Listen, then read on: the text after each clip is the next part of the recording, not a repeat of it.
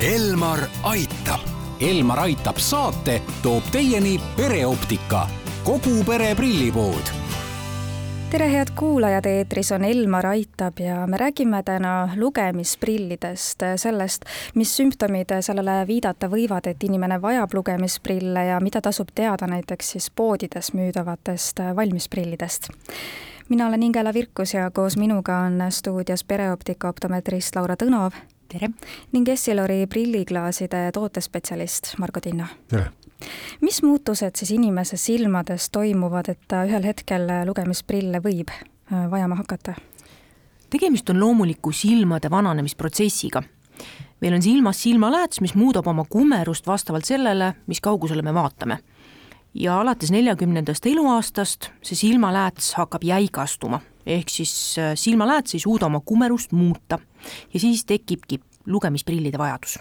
Äh, ja see lähiprilli vajadus tegelikult tekib kõigil aga enamasti see plussprilli vajadus annab tunda varem sellistel inimestel, kellel on ka kaugele plusstugevused või siis emmetroopia ehk siis nulltugevus.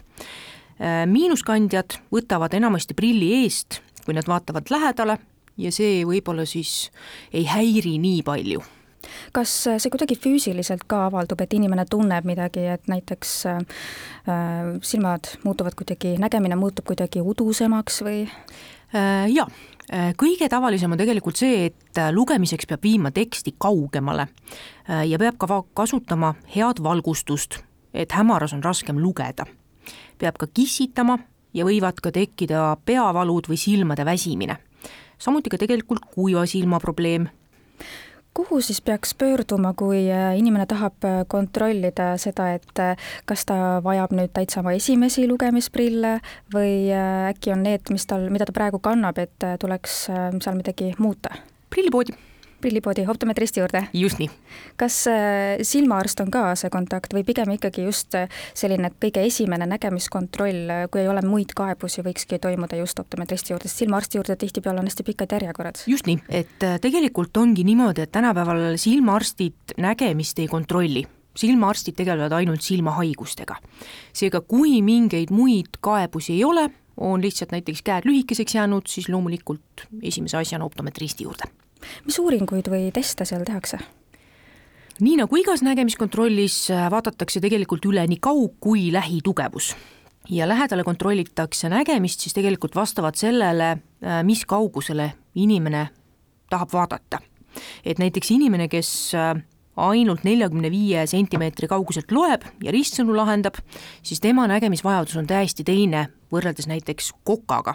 et kokal näiteks on vaadata vaja väga täpselt käe kaugusele või isegi kaugemale. et see nägemisvajadus tegelikult on väga tähtis ja see siis nägemiskontrollis äh, nii-öelda siis kokku lepitaksegi ja seda ka kontrollitakse. ehk et siis inimene võiks ka kindlasti mainida, et äh, mida ta igapäevaselt äh, teeb, kus ta töötab, ehk et te saate siis selle kõigega arvestada? just nii, tööd ja hobid siis saab äh, tõenäoliselt inimene esmalt teada selle, et milline tema nägemine on, aga kas ta saab ka optometristi abiga kohe endale prille hakata valima? absoluutselt ja klaasid ka või, Margo, teie olete äh, Essilorist, et kuidas see info nii-öelda siis teieni jõuab? no meilt tuleb tavaliselt tellimus kauplusest läätside peale, kus on soovid kirja pandud ja tänapäeval on võimalik kõikidele, kes lähiprille vajavad, tulla nende soovidele vastu, et see, et millega nad ikkagi tegelevad ja missuguse ütleme, distantsi peale või milliste vajaduste peale seda klaasitüüpi vaja on. ja, ja, ja noh, tänapäeva tehnoloogia on, on ütleme, abiks igasugustele äh, võimalustele, et, et inimene näeb selgelt ja et tema tervis on ka äh, hoitud, ehk siis kõik katted kõik need lisaväärtused, mis äh, seal läätse pinnas on või pinna peal, äh, ka valguse eest, äh, liigse ereda valguse eest, nii et seal on noh, palju neid variante, mida tegelikult, mis on inimesele kasulikud, aga ta peaks neid teadma, et neid on kõike võimalik sinna peale saada. me jätkame oma vestlust juba homme kell kaksteist nelikümmend viis. Elmar aitab Elmar aitab saate toob teieni pereoptika, kogu pere prillipood